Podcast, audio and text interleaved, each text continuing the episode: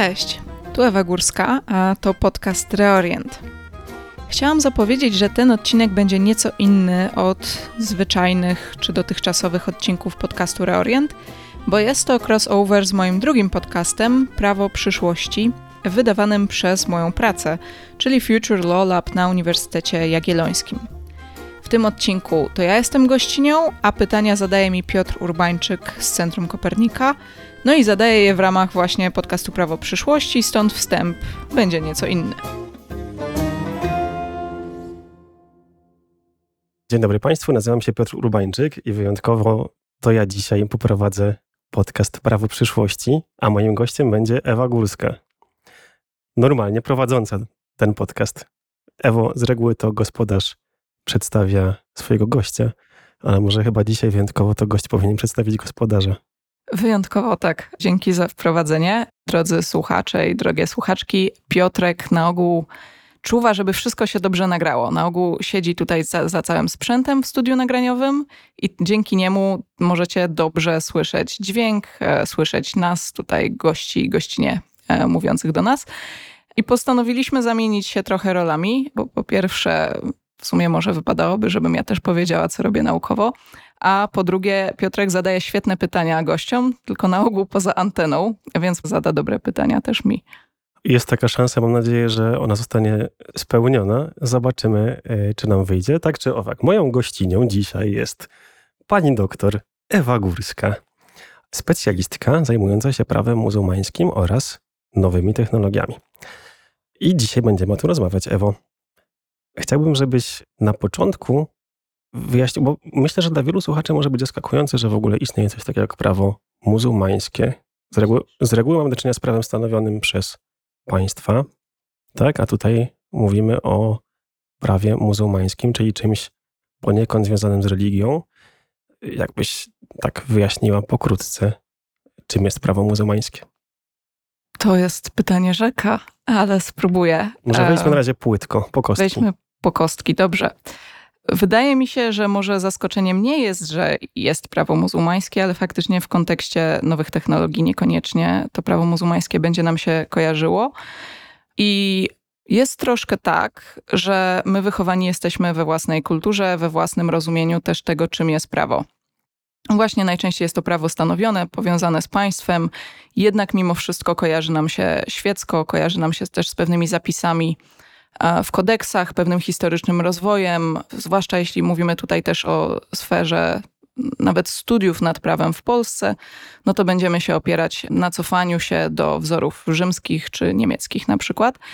Um, natomiast prawo muzułmańskie to jest trochę niestety nieszczęsna nazwa, która czasem może kogoś wprowadzić w błąd, kogoś, kto się tym prawem muzułmańskim czy islamem w ogóle nie zajmuje mm, na co dzień bardziej, bo to nie do końca jest prawo w tym naszym rozumieniu. To jest coś więcej. To jest system, chociaż tu też można dyskutować, czy akurat słowo system jest odpowiednie, które obejmuje więcej niż tylko normy, które rozumiemy jako prawne. Obejmuje też właśnie kwestie religijne, filozofię, teologię.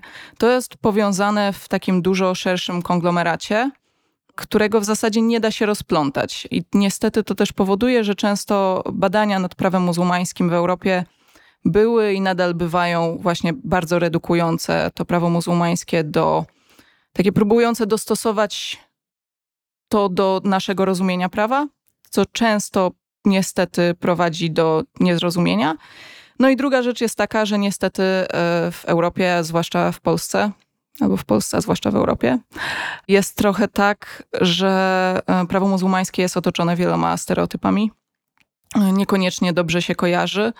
To wynika po pierwsze trochę z braku wiedzy, bo my się o tym nie uczymy, tak? No nie idziemy do szkoły, nie uczymy się o tym, czym jest prawo muzułmańskie. A trochę też z tego, że media czasem podsycają strach, też między innymi wykorzystując tą taką formułę, czy ten termin prawo muzułmańskie w różnych przekazach, które dotyczą islamu i niekoniecznie są pozytywne i też niekoniecznie są zgodne z prawdą, ale to już może na inną rozmowę. Dobrze, ja może tą Twoją odpowiedź rozłożę troszeczkę na czynniki pierwsze i do, do poszczególnych jej części spróbuję zadać jakieś pytanie. Rzeczywiście w naszym kręgu kulturowym też mamy do czynienia z pewnym prawem, czy z pewnym rodzajem prawa związanym z religią. Mam tu na myśli coś, co się wywodzi być może nawet ze Starego Testamentu i tradycji judaistycznej. W końcu w Torze mamy, czy w Starym Testamencie mamy księgi powtórzonego prawa, księgi takie prawnicze z takimi normami, przepisami prawa, a w tradycji chrześcijańskiej mamy prawo kanoniczne, prawda? Czy można powiedzieć, że to prawo jest jakimś analogonem z naszego kręgu kulturowego prawa muzułmańskiego, czy jednak są różnice między tymi dwoma systemami, jeśli zgodzimy się na użycie tego słowa? Są na pewno podobieństwa, aczkolwiek znowu bałabym się takiego bardzo porównawczego podejścia, które może pewne rzeczy zredukować. Szybciej prawo muzułmańskie bym próbowała rozumieć przez pryzmat właśnie prawa żydowskiego, które jest może bardziej zbliżone w pewnych aspektach. Ja też nie jestem specjalistką od tych innych praw religijnych, e, bo od iluś już lat zagłębiam się e, raczej w to muzułmańskie ale ta różnica też wynika z tego, w jaki sposób prawo muzułmańskie powiązane jest e, z normami społecznymi i normami też um, politycznymi w państwach, w których dominuje islam, także z rozwojem islamu. Imperium muzułmańskie, które powstało po śmierci proroka Mahometa, objęło tak dużą część świata i rozwijało się w tylu kierunkach, też czerpiąc wielu kultur, w tym notabene czerpiąc właśnie z prawa rzymskiego, przede wszystkim wschodniorzymskiego, też z prawa żydowskiego, ale mając też ten mocno rozwinięty aspekt polityczny, który no, nadal w pewnych e, kwestiach się przejawia. Wystarczy popatrzeć na jakieś bardziej ekstremistyczne grupy albo państwa, w których islam jest związany z państwowością i z tym, jak tworzone jest prawo. Natomiast to też nie jest wszystko, bo jest mnóstwo państw, w których islam jest religią dominującą w których to prawo muzułmańskie no jest jednym z wielu praw. Mówimy o pluralizmie prawnym i mamy jednocześnie kilka systemów, które funkcjonują obok siebie równocześnie. I to nie będzie tylko prawo stanowione państwowe świeckie i prawo muzułmańskie obok tego, ale będą jeszcze prawa właśnie innych religii, więc czasem to będzie zrównywane w obrębie jednego państwa, na przykład będzie zrównywane mniej więcej z prawem kanonicznym. No a jeszcze mamy do tego na przykład prawo zwyczajowe, które nadal w wielu państwach Azji czy Afryki funkcjonuje. Więc yy, znów ta rzeczywistość społeczna, polityczna w e, państwach, które są, leżą dalej tak od Europy, bywa często bardziej skomplikowana niż się wydaje i to prawo wchodzi w różne relacje z tymi innymi systemami. Jest też w różny sposób powiązane. Ja bym chętnie pociągnął jeszcze wątek historyczny, ponieważ on y, może nam dać jakiś y, ogląd tego, skąd się to prawo w ogóle wzięło, bo już trochę o tym zaczęłaś mówić, ale ponieważ padł ten wątek geograficzny, to chciałbym cię spytać, jaki jest mniej więcej zakres oddziaływania czy stosowalności tego prawa? Gdzie to prawo obowiązuje? Tam, gdzie są muzułmanie. To znaczy, że na całym świecie. Nie z głowy, ale sprawdziłam przed nagraniem tego podcastu, że najnowsze dane mówią o tym, że na świecie jest 1,9 miliarda muzułmanów w tym momencie i ta społeczność rośnie. Wbrew może takim też popularnym skojarzeniom, że islam to jest Bliski Wschód, czyli poprawniej mówiąc geograficznie Azja Zachodnia, to 60% muzułmanów e, mieszka w państwach azjatyckich. Najbardziej licznym państwem, w którym religią dominującą jest islam, jest Indonezja.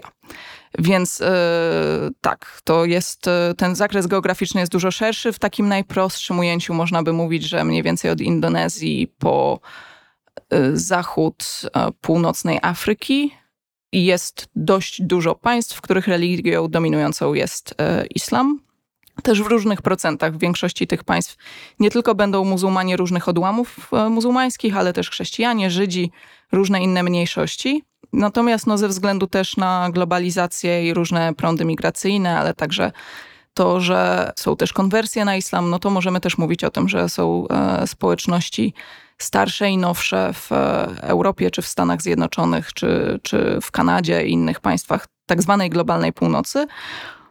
No i właśnie, na przykład w Polsce mamy z jednej strony społeczność tatarską, która w Polsce mieszka od XIV wieku i jest taką nazywaną rodzimą społecznością polską, muzułmańską, no ale jednocześnie mamy też osoby, które tutaj przyjechały i mamy też konwertytów. Um, ale wracając do pytania, no prawo muzułmańskie jest czymś, co reguluje życie wyznawców islamu w takim zakresie, można powiedzieć etyczno-prawnym, można powiedzieć społeczno-prawnym, bo miejscach, w których ten islam dominuje, to te normy przypisywane religii często też wiążą się z normami społecznymi czy naciskiem społecznym na ich przestrzeganie. Czasem nie są nawet do końca spisane w takim o tym, jak jest spisywane prawo muzułmańskie, a czy nie jest, to też możemy zaraz porozmawiać, ale chodzi mi o to, że, że czasem w tych państwach, gdzie dominuje, czy w społecznościach muzułmańskich, e, te normy społeczne też bardzo mocno przemawiają, czy społeczne wyobrażenia o tym, jakie reguły w tym prawie muzułmańskim istnieją. To ja mam od razu szereg pytań w związku z tym, co mówiłaś. Jesteś lepszy ode mnie w tym, ty od razu masz szereg pytań. nie wiem od czego zacząć, żeby niczego nie zgubić, ale mówiłaś już właśnie o tej stosowalności, tudzież egzekwowalności tego prawa. Skoro ono istnieje obok prawa państwowego, jak mówisz, w wielu przypadkach, to jak ono jest egzekwowane? Albo kto stoi na pieczy tego prawa? No właśnie społeczeństwo bardzo często.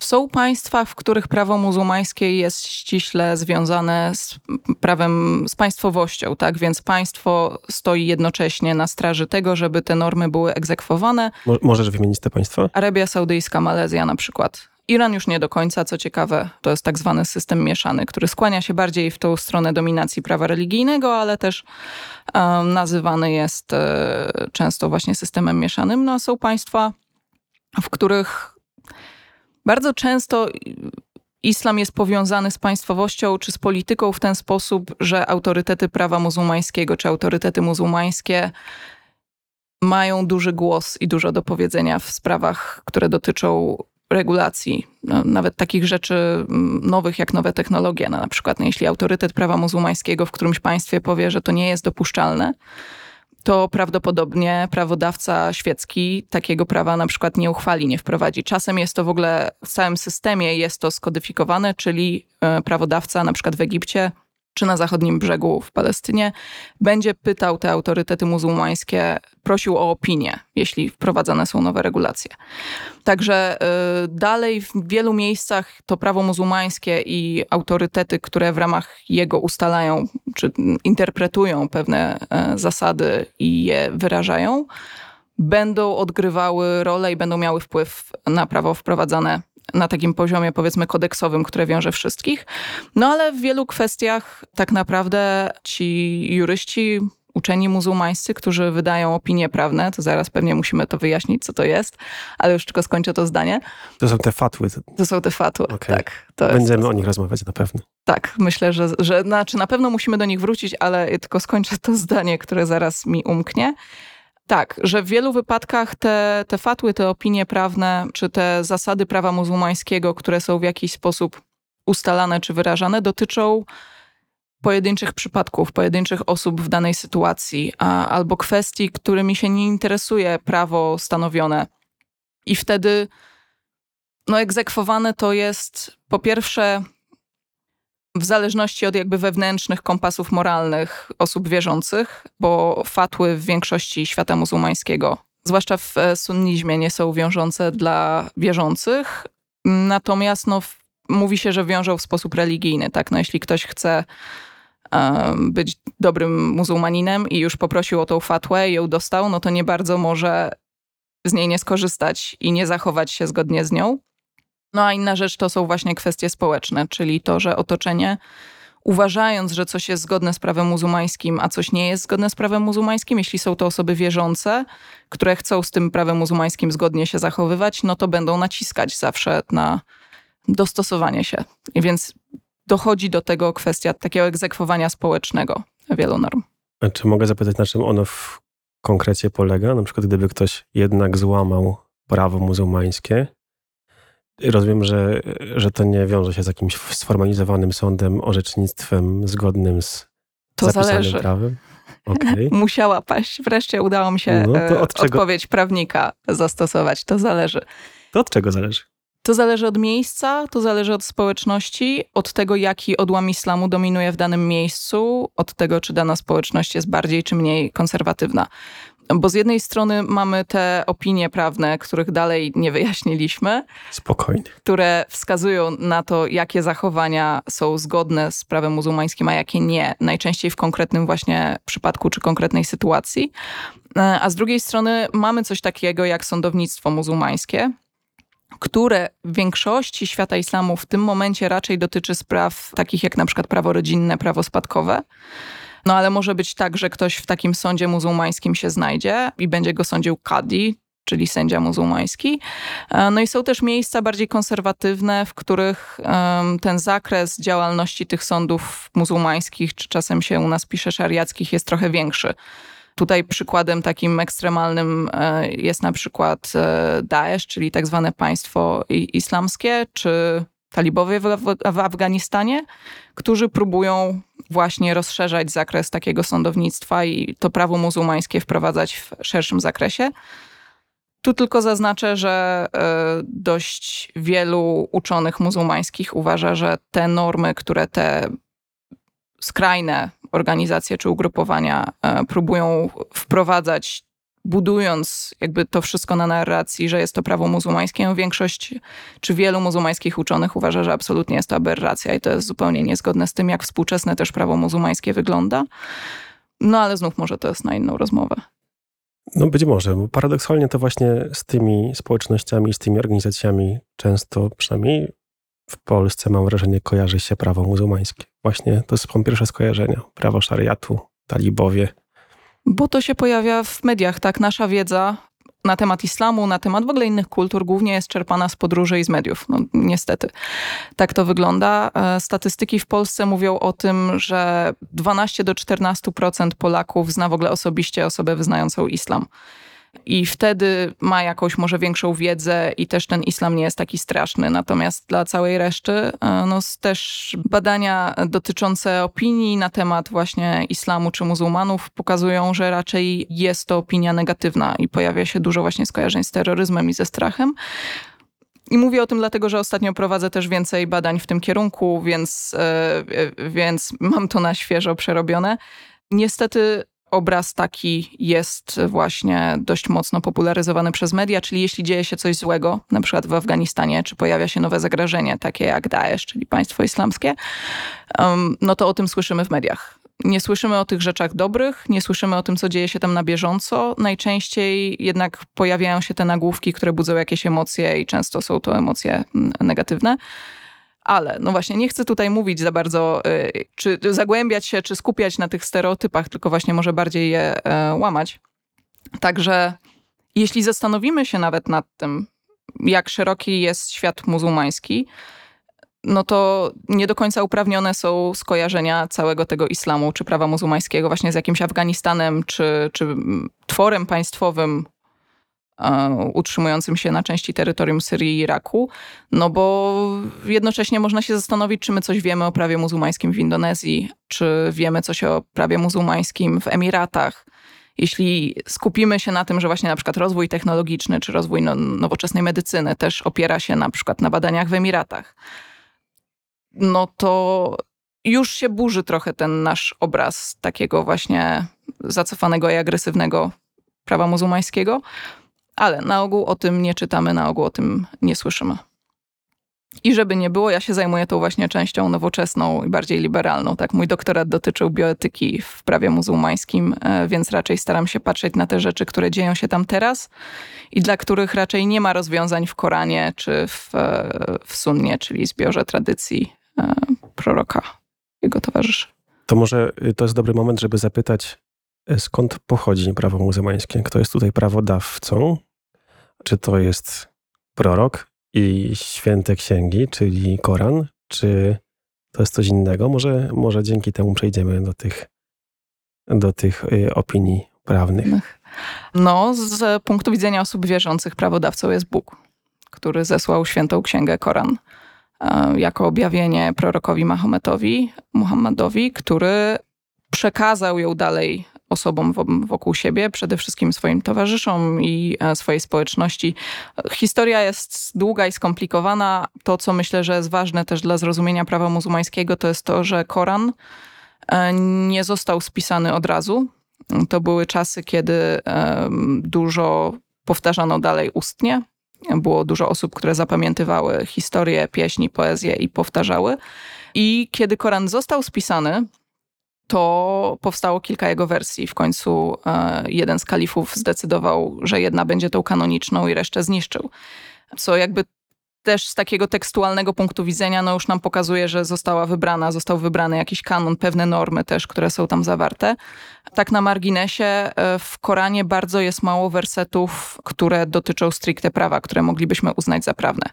Jest ich trochę, liczy się od kilkudziesięciu do kilkuset, w zależności kto liczy.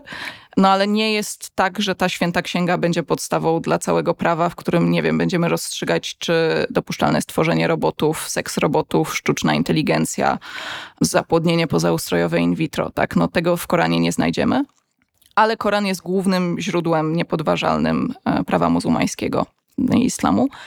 I drugim takim ważnym źródłem mm, są zbiory sunny, czyli zbiory hadisów, czyli historii z życia proroka Mahometa i jego towarzyszy.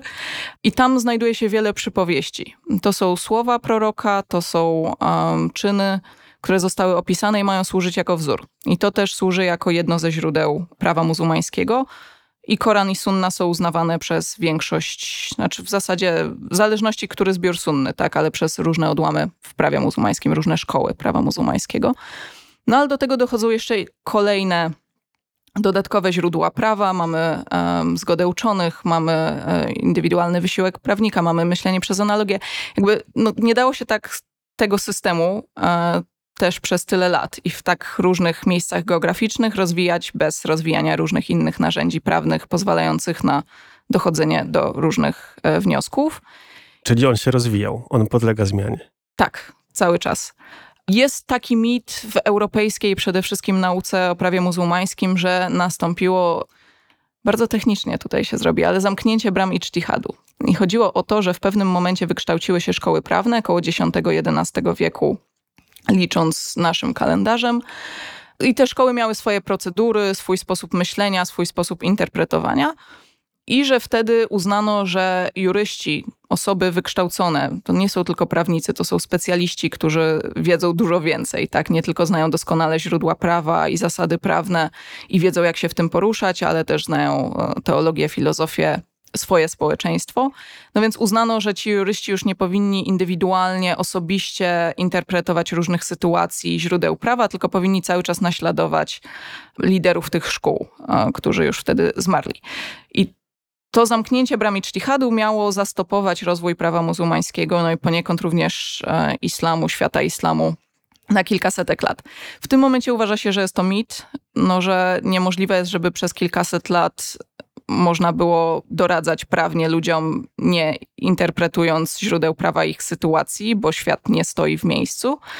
Więc tak naprawdę przez cały ten czas do pewnego stopnia różne interpretacje powstawały. No i właśnie, opinie prawne, fatły, to najczęściej by w takim pewnym uproszczeniu to są te interpretacje, tak? Czyli mamy źródła prawa, mamy specjalistę prawa muzułmańskiego, który różnie się nazywa w zależności od swojego wykształcenia lub odłamu islamu, mufti, mucztahid, alim. I tenże specjalista prawa muzułmańskiego, ktoś do niego najczęściej przychodzi z pytaniem. Czasem pojawia się trudna sytuacja na świecie, na przykład pandemia, a czasem ktoś do niego przychodzi z pytaniem, um, na przykład dotyczącym tego, czy in vitro jest dozwolone. I wtedy ten uczony bierze pod uwagę źródła prawa, które zna doskonale, zasady interpretacji tych źródeł, które da, zna doskonale, sytuację danej osoby najczęściej, czy sytuację na świecie, która jest w danym momencie się toczy. Um, zasady też takie kulturowe, czasem zwyczaje bierze pod uwagę i wydaje opinię prawną, która ma wskazywać osobie pytającej, jak powinna postąpić w danej sytuacji. Ewentualnie czasem, zwłaszcza w szyizmie, wiąże w pewien sposób wiernych, że tak postąpić powinni. Także fatwa jest to. To też ciężko jest przetłumaczyć, tak? Bo najczęściej mówi się, że jest to opinia, ale też spotkałam się z określeniami edykt, e, orzeczenie. Orzeczenie jest tutaj najgorsze, bo wskazywałoby na bardzo takie sądowe podejście, a właśnie osoba wydająca fatły, ten mufti, nie jest sędzią tutaj trzeba rozdzielać. A no jest to pewna rada. Czasem to są w ogóle takie rady życiowe, jak należy postępować. Czasem jest to dużo bardziej poważne, bo wiąże się właśnie z takimi e, obowiązkami i zakazami religijnymi. Z tego, co mówisz, wyłania mi się taki obraz, że ta fatwa ma charakter bardzo partykularny i dotyczy konkretnych przypadków. E, możemy hipotetycznie pomyśleć o sytuacji, w której jeden ekspert od prawa muzułmańskiego wyda fatwę, która, no powiedzmy, mówi, czy nie chcę użyć słowa, użyć słowa orzeka, ale powiedzmy wydaje opinię na jakiś tam temat taką, a drugi ekspert powie coś zupełnie innego. Czy takie przypadki się zdarzają? To jest pytanie pomocnicze moje. Bardzo często. Jeden mufti mówi tak, a drugi mówi inaczej. Okej, okay, to jak w takim razie można wyciągać jakieś ogólne wnioski z tych fatł? To jest pytanie szczegółowe, a ogólne, jak na podstawie tych partykularnych opinii można orzekać w ogólności o prawie muzułmańskim, czy orzekać, w sensie oceniać prawo muzułmańskie, badać je, wydawać jakieś ogólne sądy? Można badać ich treść y, i to jest to, co robiłam y, i co robię dalej. No i tutaj oczywiście no to nie będę się zagłębiać w kwestie badawcze, czyli dobór materiału, czy będzie regionalny, czy jakiś bardziej uniwersalny, przekrojowy, ale można wybrać sobie problem i sprawdzić, jak na niego odpowiadają ci mufti. No i tak jak wspomniałeś, może być tak, że jeden mufti powie tak, a inny mufti powie inaczej. Czasem określa się to nawet wojnami na fatły.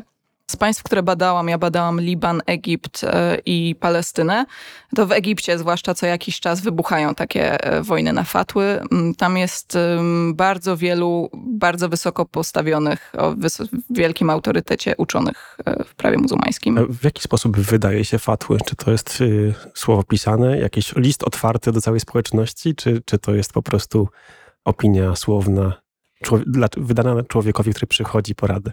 Wszystko w tym momencie. Najczęściej to, co wiemy o fatłach, to jest to, co jest opublikowane. To jest też to. My wiemy tylko tyle, ile się pojawiło na tym papierze. I... Ale gdzie się je publikuje? Na przykład dzisiaj? Czy w XX wieku, gdzie one były publikowane? Online. Znaczy w XX wieku nie, dzisiaj są online. Dzisiaj możesz wejść na stronę instytucji, która wydaje fatły, na przykład Dar Alifta al-Misriya, czyli tej egipskiej, jednej z, i skorzystać z formularza, który jest też po angielsku, jeśli jesteś muzułmaninem, zapytać, e, powiedzieć, że masz taki i taki problem i o coś zapytać. No i odpowiedź dostaniesz mailem w tym momencie. Czy jako muzułmanin mogę sobie wybrać eksperta, na przykład takiego, który wiem, że wyda łagodniejszą fatwę dla mnie? Z twojej szkoły prawnej, jako sunnita z twojej szkoły prawnej teoretycznie możesz wybrać eksperta, a ponieważ jest też internet i można sobie zrobić research, e, to to też jest zjawisko dotyczące współczesnego prawa muzułmańskiego i nazywa się fatwa shopping. E, czyli, to jest to, co pytałem właśnie. Tak, idziesz i szukasz. E, I mam też znajomych, którzy czasem tak robili, na szczęście nie w jakichś poważnych kwestiach, no ale jest to oczywiście kwestia ludzka, tak? I dość naturalna, że jeśli ktoś chce coś zrobić i ma nadzieję, że to jest zgodne z prawem muzułmańskim i jego wiarą, no to będzie raczej szukał takiej opinii, mm, która jest zgodna z jego poglądami. I czasem jest tak, że, że, że te opinie są różne i można znaleźć taką zgodną, ale jeśli chodzi w ogóle o prawo muzułmańskie, też nie chciałabym, żeby ktoś miał tutaj taką wizję, że to już teraz każdy mówi coś innego i na wszystko można znaleźć fatłę. Do pewnego stopnia tak, a do pewnego stopnia nie, ponieważ te zasady podstawowe, te ogólne zasady są takie same. Uczeni w prawie muzułmańskim, tacy, którzy powinni wydawać te fatły, bo są też tacy, co nie powinni, a czasem wydają, to mają ten sam podstawowy kanon zasad, e, zasad interpretacyjnych, wiedzy. Też no, pewne rzeczy są praktycznie prawie nie do ruszenia, czyli to, co jest zapisane. Mówię prawie, bo na przykład w wypadku śmierci mózgowej trochę ruszono to, co było zapisane. Tak przechodzimy do tego przykładu, rozwinąć go, czy za chwilę? Jak najbardziej rozwinąć ten i inny, bo wiem, że w swojej pracy doktorskiej zajmowałaś się dosyć kontrowersyjnymi, przynajmniej z europejskiego punktu widzenia, tematami bioetycznymi, mianowicie śmierć mózgowa, e, in vitro. Aborcja, eutanazja, transplantacja dawców żywych i dawców martwych.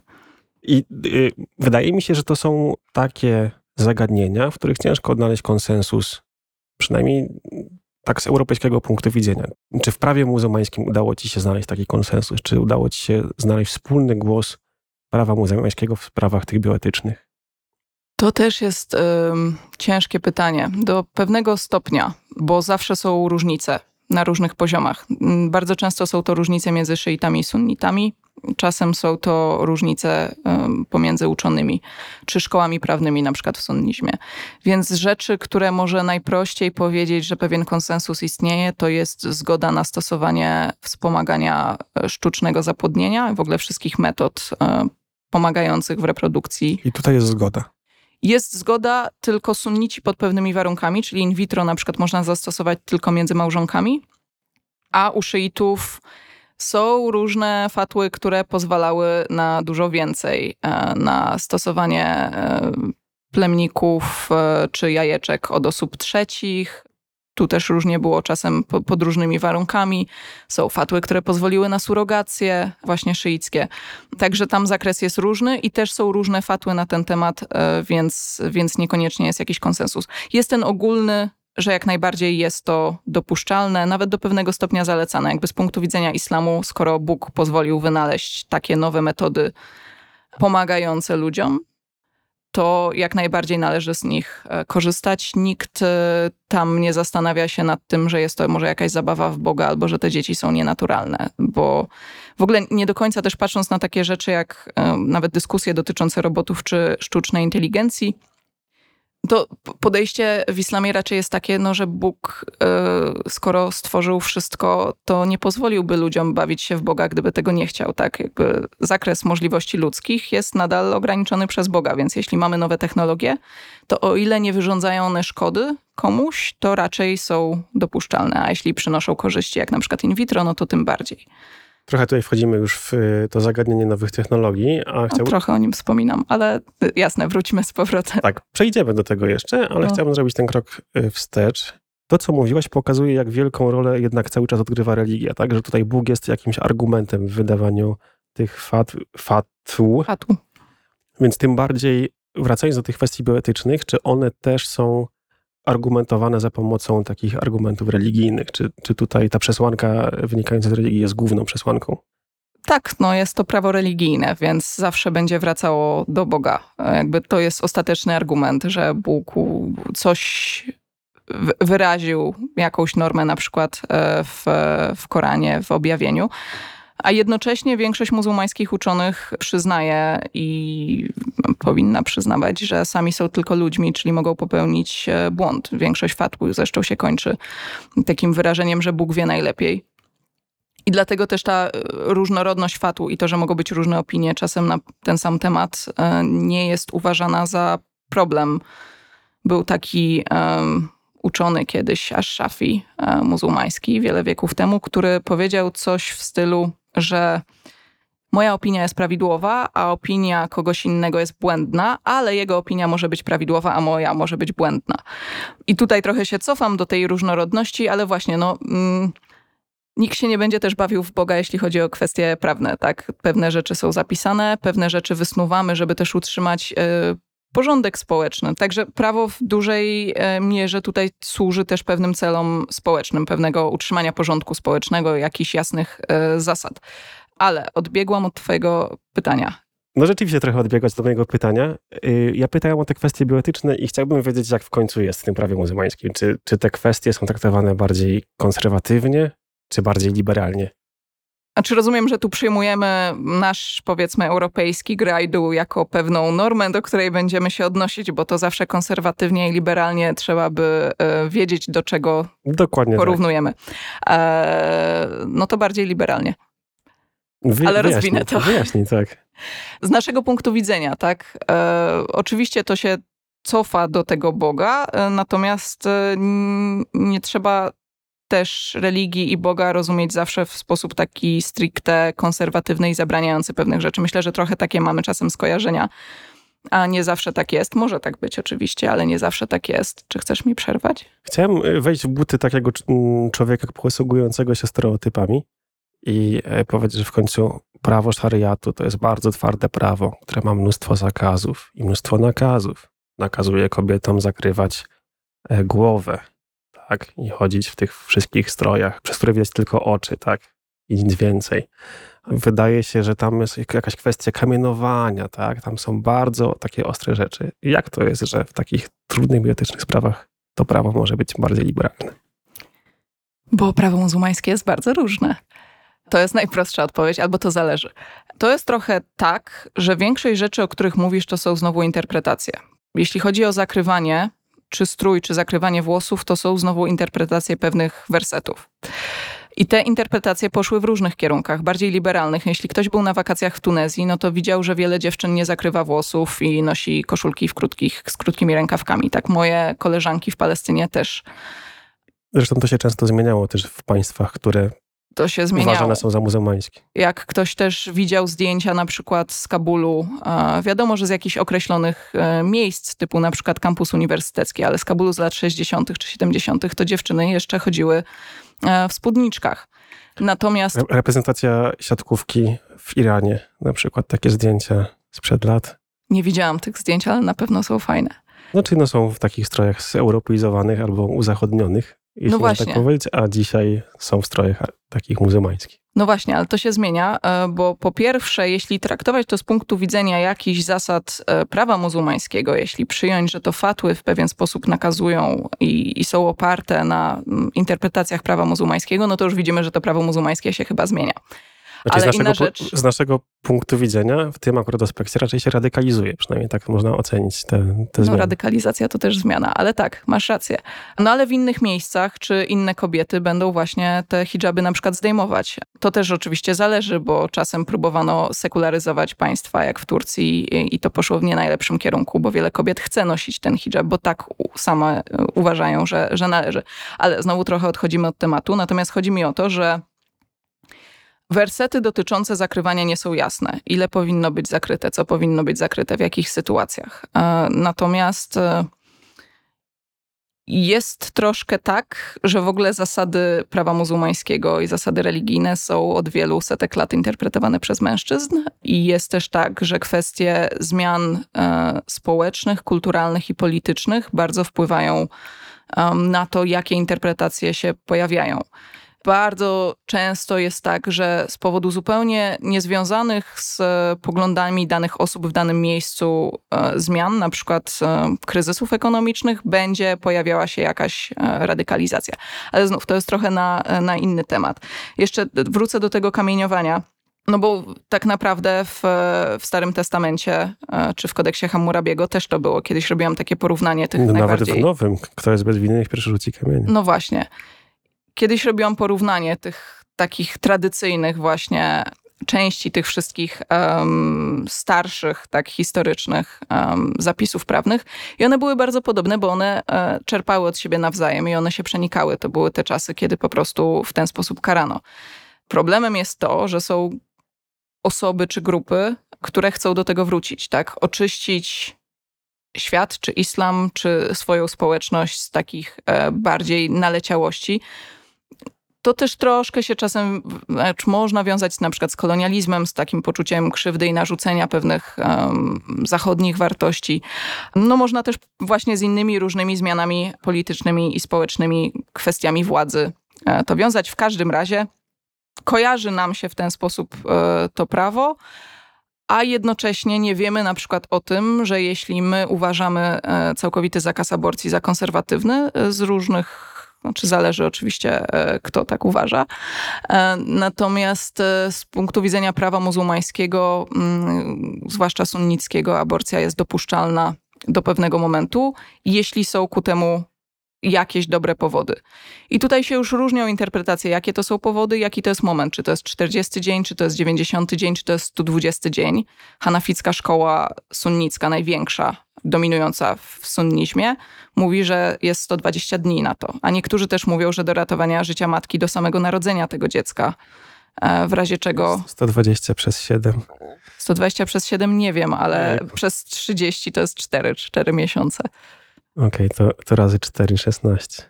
Tak, no i tutaj wiesz, zależy oczywiście znowu od miejsca, od uczonych. Czasem bywa tak, że prawo państwowe zakazuje aborcji albo daje mniej wyjątków, kiedy jest to dopuszczalne, a prawo muzułmańskie i fatły, zwłaszcza w indywidualnych sytuacjach indywidualnych osób, pozwolą na więcej.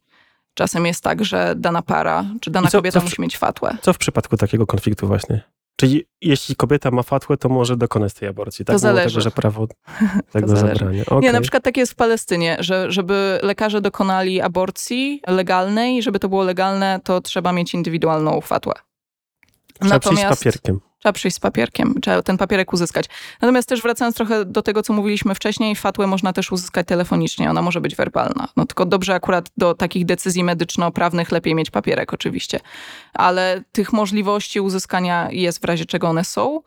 No a są też państwa, gdzie ta aborcja do niej dostęp jest, zwłaszcza w tych okresach. No to, to zależy od tylu czynników, też od kwestii społecznych, od kwestii sumienia danej osoby um, od kwestii decyzji o swoim ciele, ale też podjęciu tego ryzyka, jeśli na przykład coś jest dozwolone przez lokalnego muftiego, ale nie jest dozwolone przez prawo państwowe, więc można się liczyć z karą.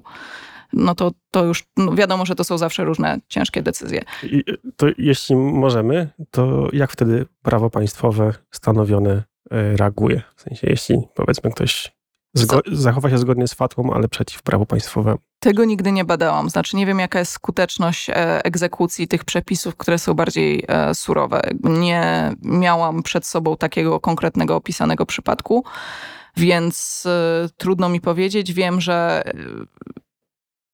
ta aborcja jest, też jest w podziemiu. Też oczywiście nie, nie, to nie jest tak, że zawsze przez te na przykład 120 dni ta fatła by była tak, no bo przypadki są różne. No i są też czasem wojny na fatły. Były takie w Egipcie, były spory, czy kwestia ciąży, która pochodzi z gwałtu, będzie przyczyną do legalnej aborcji, czy nie. Ale tutaj możemy znowu bardzo głęboko e, wchodzić. Znów, no bardzo często jest to kwestia społeczna, tak? Czy ktoś to zgłosi, czy jak to potraktuje osoba, nie wiem, policjanta, prokuratora, sędziego.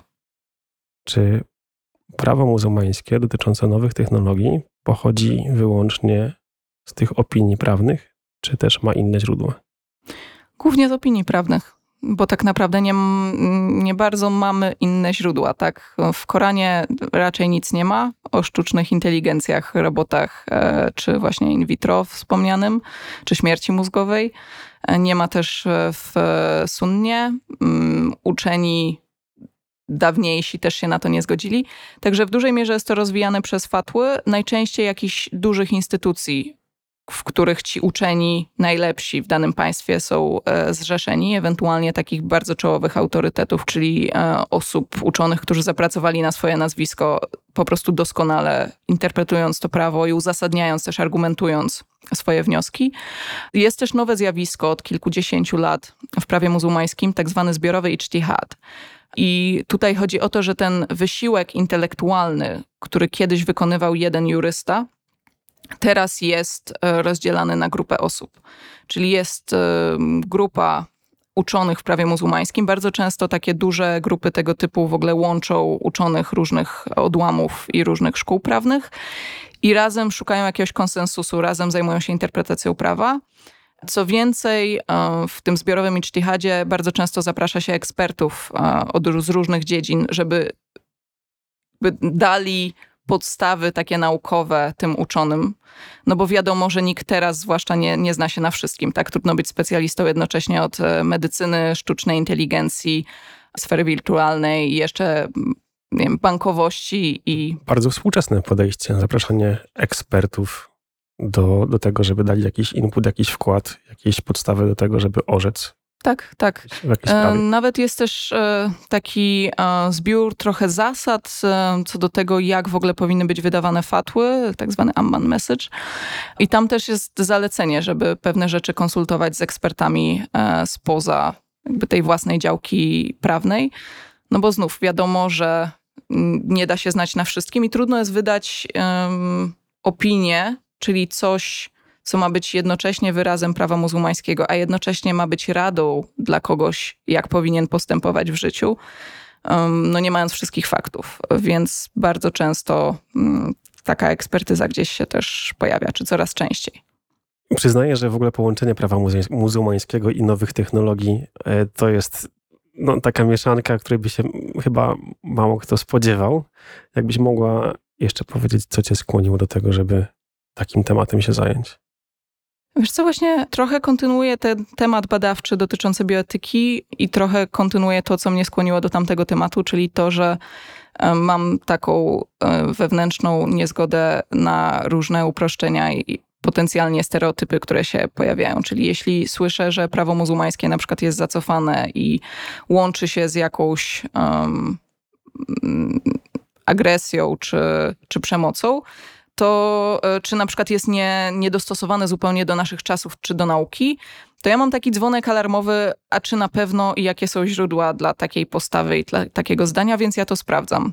A że też uczyłam się arabskiego na studiach, to mam może trochę więcej możliwości, żeby w razie czego pewne rzeczy doczytać e, i sprawdzić. Też mieszkałam w, w regionie, mieszkałam e, na Bliskim Wschodzie w sumie pewnie przez kilka lat i robiłam tam też badania. Nie tylko widzę, jak na co dzień toczy się życie w świecie muzułmańskim, też jeśli chodzi na przykład o normy stosowane na co dzień, czy o prawo, ale też mogę zawsze zapytać, jakie są poglądy. No i właśnie, te nowe technologie to jest coś, z czym to prawo muzułmańskie się nie kojarzy, a o dziwo, czy właśnie, no dla mnie nie o dziwo, ale może dla innych tak.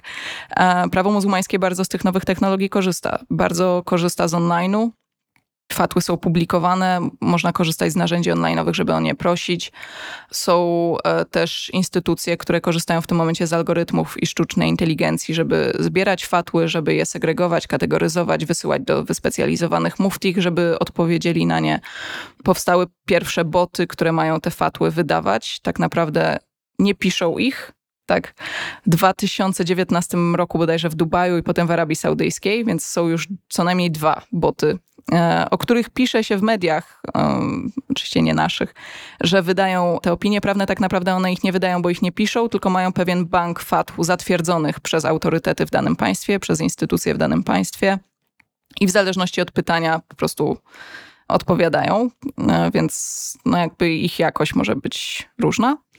Ale tak, takie rzeczy też się dzieją i islam jakby bardzo świadomie, czy te autorytety prawa muzułmańskiego, które chcą iść z duchem czasu i odpowiadać przede wszystkim na potrzeby wyznawców islamu, którzy są różni w różnych miejscach świata, różnie też żyją, no to korzystają z tych samych narzędzi, z których korzystają ludzie na co dzień. Jest też w ogóle e, zdalna szkoła dla e, muftich w Egipcie. To jest taki program, który już trochę istniał w covid nabrał może więcej napędu i znaczenia. I tam też, tak jak czytałam, cele i, i, i trochę o programie tej szkoły, tak to nazwijmy, no to właśnie między innymi chodzi o to, żeby przygotować jurystów muzułmańskich do tego, żeby szli z duchem czasu i z duchem czasu potrafili odpowiadać na potrzeby wiernych, ale też korzystając z narzędzi online'owych, żeby mieli tą taką biegłość w tym. No już nie mówiąc o tym, że teraz wiele autorytetów prawa muzułmańskiego korzysta z, z tego, że po prostu stają się influencerami, na przykład na social mediach kiedyś wykorzystywali telewizję i radio i Teraz to też bardzo działało. TikToka i Insta. Też, tak. Ja domyślam się, że świat muzułmański, świat yy, Bliski Wschód, świat arabski, Afryka i te wszystkie krainy są odcięte od nowych technologii i korzystają z nich, to wydaje się dla mnie naturalne.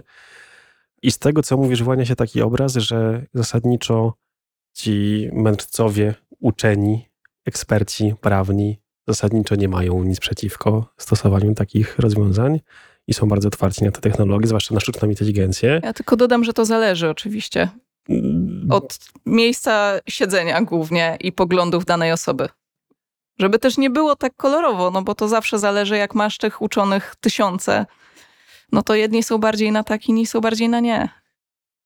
Okej, okay, chociaż y, mam wrażenie, że, że jednak skoro te największe, najbardziej znane instytucje korzystają z tych rozwiązań, to chyba sam fakt korzystania z nich świadczy, że, że dopuszczają y, stosowanie i nie mają z tym problemu. Y, natomiast pojawiają się pewne szczegółowe problemy w pewnych w szczegółowych rozwiązaniach. Na przykład wspominałaś, że ten robot, kiedy jest podobny do człowieka, to się już pojawiają jakieś wątpliwości. Chciałem spytać, jakie są takie szczegółowe problemy, kiedy prawo muzułmańskie spotyka się z czymś nowym, no w tym przypadku z nowymi technologiami. Na co zwracać uwagę, co może wywołać u nich e, pewne opory i pewne sprzeciwy. Na pewno właśnie mm, upodabnianie do człowieka. To jest kwestia, zwłaszcza w sunnizmie, bardzo starej dyskusji e, o przedstawianiu wizerunków e, ludzkich I to budzi opór w tych fatłach dotyczących robotów, które widziałam. Mm, to było to. Jakby to jest też ciekawe, że te pytania dotyczące robotów czy sztucznej inteligencji, um, które widziałam, to były osoby, no albo tacy laicy, albo trochę naukowcy zajmujący się podobnymi tematami, którzy chcieli wiedzieć, czy rozwijanie sztucznej inteligencji, czy właśnie robotów nie będzie stało w sprzeczności z prawem muzułmańskim ze względu na no właśnie, głównie bycie kreatorem, trochę bawienie się w Boga. I e, dla muzułmańskich uczonych, którzy odpowiadali na te opinie, najczęściej to nie było problemem, bo nie uważają, żeby człowiek był na tym poziomie, żeby w tego e, wszechmogącego mógł się właśnie w jakiś sposób e, bawić. I zakładają, że maszyna będzie maszyną. Ale ponieważ są te stare zasady dotyczące nieprzedstawiania wizerunku ludzkiego, mm, nie kopiowania go, Kiedyś chodziło o malowanie obrazów, taki ikonoklazm, no a teraz pewne opory budzi właśnie nadmierne, zwłaszcza upodobnienie takiego robota do człowieka. Co ciekawe, jeśli chodzi o na przykład o te dyskusje dotyczące sztucznej inteligencji, to uczeni muzułmańscy nie wypowiadają się na temat tej, to się nazywa głęboka po polsku, Artificial General Intelligence Narrow i General. Narrow to jest to, co znamy, czyli to są te systemy korzystające z algorytmów, żeby ułatwiać nam życie i są na ogół wyspecjalizowane, a General to jest ta sztuczna inteligencja, która miałaby przejąć kontrolę nad ludzkością. A przynajmniej sama zacząć myśleć. I uczeni muzułmańscy do tego problemu za bardzo się, przynajmniej w opiniach prawnych, nie odnoszą, jakby zakładając, że albo to jest dla nas jeszcze długo niedostępne, albo że zostanie niedostępne i nigdy się nie wydarzy. I to jest też z takich moich obserwacji, właśnie analiz różnych fatł na różne tematy. To jest też taki motyw, no, że jeśli coś jest sytuacją hipotetyczną, to bardzo często pojawia się zdanie, no, że jak to się zacznie wydarzać, to wtedy będzie odpowiedź, bo będzie więcej faktów. A w tym momencie nie ma co hipotetyzować i wydawać jakiejś opinii na temat czegoś, co jest w danym momencie niemożliwe. Przede wszystkim też dlatego, że nie mamy informacji. Nie mamy informacji, czy to będzie krzywdzące dla ludzi, czy nie będzie, czy będzie pomocne. No a reszta to takiego gdybania opierałaby się właśnie na strachu przed czymś. No co nie zmienia faktu, że jakieś tam dyskusje są. W tym zakresie może bardziej ograniczone. Nasz podcast dotyczy prawa przyszłości. Mówimy dzisiaj o prawie muzułmańskim. Jak Twoim zdaniem, wedle Twojej ekspertyzy, będzie wyglądała przyszłość prawa muzułmańskiego? Myślę, że wielokierunkowo i to, co też wydaje się teraz zachodzić w tych kwestiach korzystania z nowych narzędzi, właśnie z, z narzędzi wirtualnych, z nowych technologii, sztucznej inteligencji, to jest to, że różne instytucje, które mają środki, mm, instytucje muzułmańskie, starają się z tego korzystać, żeby popularyzować swoją wizję i swoje interpretacje pojawiają się strony internetowe konkretnych instytucji z konkretnych państw, z konkretnymi poglądami, publikujące właśnie fatły zgodne z tym. W Egipcie właśnie te, te główne instytucje egipskie, jak Uniwersytet Al-Azhar czy e, Dar al-Ifta, zbierają teraz wszystkie fatły z internetu i wypuszczają na to jakby algorytmy szukające e, opinii skrajnych, żeby móc e, o nich napisać, jakby kontrdziałać, przeciwdziałać, e, odpowiedzieć na nie i powiedzieć, że to jest e, bez sensu. No ale e, o ile na ogół te fatły skrajne to są faktycznie fatły wydane przez osoby nieuprawnione do tego, albo organizacje ekstremistyczne i osoby nieuprawnione do tego w ramach tych organizacji, no to można też się zastanawiać, kto decyduje o tym, co będzie skrajne, a co nie i co ten algorytm będzie flagował. Także z jednej strony mamy bardzo dużą uniwersalizację prawa muzułmańskiego, która do pewnego stopnia będzie postępowała, bo mamy dostęp do różnych opinii i uczeni muzułmańscy też mają dostęp do różnych opinii z całego świata. Mm, a jednocześnie, no jak zawsze, zachodzą pewne względy też polityczne i takiego promowania swoich wizji. I to, co właśnie też widzę w różnych sferach prawa muzułmańskiego, to jest to, że z jednej strony dąży się trochę do konsensusu, też do zasypywania sporów, właśnie do grupowego decydowania o pewnych istotnych sprawach, jak na przykład właśnie kwestie medyczne, bioetyczne, mm, żeby w istotnych, etycznych, moralnych kwestiach w miarę mówić jednym głosem, a przynajmniej zastanowić się nad tym, czy ten konsensus można znaleźć. No ale jednocześnie Czasem też e, no, różne instytucje starają się, żeby ten ich głos stał się tym bardziej hegemonicznym i myślę, że tak będzie dalej. Jakby nie ma co się czarować. Prawo muzułmańskie jest dużą siłą, islam jest bardzo dużą siłą, która się rozwija. Statystyki pokazują, że wyznawców islamu będzie coraz więcej, przynajmniej w jakimś tam najbliższej przyszłości, następnych dekadach. I ciekawa jestem też, co, jak będzie się rozwijało to prawo i co będzie na styku różnych kultur prawnych. Na razie wydaje się, że więcej jest strachu przed e, w ogóle tym, czym to prawo muzułmańskie jest i co by było, nie daj Boże, gdyby było go więcej na przykład w Europie. Natomiast no, z punktu widzenia wyznawców islamu, no to oni jakby korzystają z tego, podążają za tym e, i nic się nie dzieje złego. No ale znów dużo bardzo zależy od tego, kto będzie wcielał w życie, kto będzie decydował, interpretował, decydował, co jest dominującą normą, no, dominującą zasadą w danym momencie i jak będzie się plasował w kontekście innych systemów prawnych, innych kultur, polityki. A jak będzie wyglądał w przyszłości odbiór tego prawa? Mówię o odbiorze społecznym. Myślę, że to też zależy od tego, jak, o jakiej społeczności, jakim społeczeństwie będziemy mówić. Mówię o tak zwanych państwach Zachodu.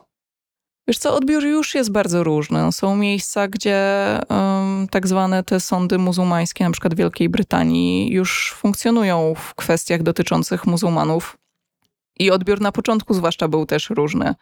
No ale to nikomu nie szkodzi, tak, jeśli Zresztą oczywiście można dyskutować, bo to zawsze zależy od sytuacji danych e, osób też, które korzystają z tego. Myślę, że bardzo dużo będzie zależało od naszego zrozumienia różnorodności i naszego, naszej edukacji na temat e, różnorodności też prawnej. Osobiście uważam, że bardzo rozwijające jest postarać się bez uprzedzeń popatrzeć na inny system prawny. Ja się zajmuję akurat prawem muzułmańskim, ale myślę, że równie rozwijające jest zajmowanie się e, prawem zwyczajowym różnych grup, prawami afrykańskimi, prawem chińskim czy jakimkolwiek innym nie dla nas naturalnym, natywnym systemem, bo można wiele dowiedzieć się o podobieństwach między ludźmi na całym świecie i pewnych wspólnych e, poglądach, a jednocześnie no, zrozumieć, że nie zawsze wszystko musi być tak jak u nas i może czasem inne rozwiązania wcale nie są gorsze. Ewa, słuchaj, chyba musimy już kończyć. Wydaje mi się, że moglibyśmy rozmawiać bardzo długo, ale zainteresowanych słuchaczy chciałbym e, odwołać do Twojego podcastu Reorient, w którym można dowiedzieć się więcej na temat społeczeństwa, prawa i kultury muzułmańskiej. Także można Ciebie spotkać w podcaście Prawo Przyszłości, którego właśnie teraz słuchacie, drodzy słuchacze. E, można też Twoje dzieła znaleźć w różnych czasopismach naukowych. Dzieła, od razu. Tekst, prace, teksty. Pracy. Tekst. E, I książkę jeszcze też można znaleźć. Zrobię taką, takie autopromo, ale jakby kogoś Proszę ten bardzo. aspekt e, współczesnego prawa muzułmańskiego i bioetyki interesował, to można znaleźć moją książkę na rynku współczesna dynamika prawa muzułmańskiego wobec problemów bioetycznych. Jakiś taki długi, nieszczęsny tytuł ma, ale mniej więcej oddaje to, co jest w środku. Współczesna dynamika prawa muzułmańskiego wobec problemów bioetycznych. Proszę szukać w internecie pewnie zwłaszcza. Ma ładną okładkę. Proszę szukać książki z ładną okładką. Dziękujemy bardzo. Do usłyszenia. Do usłyszenia.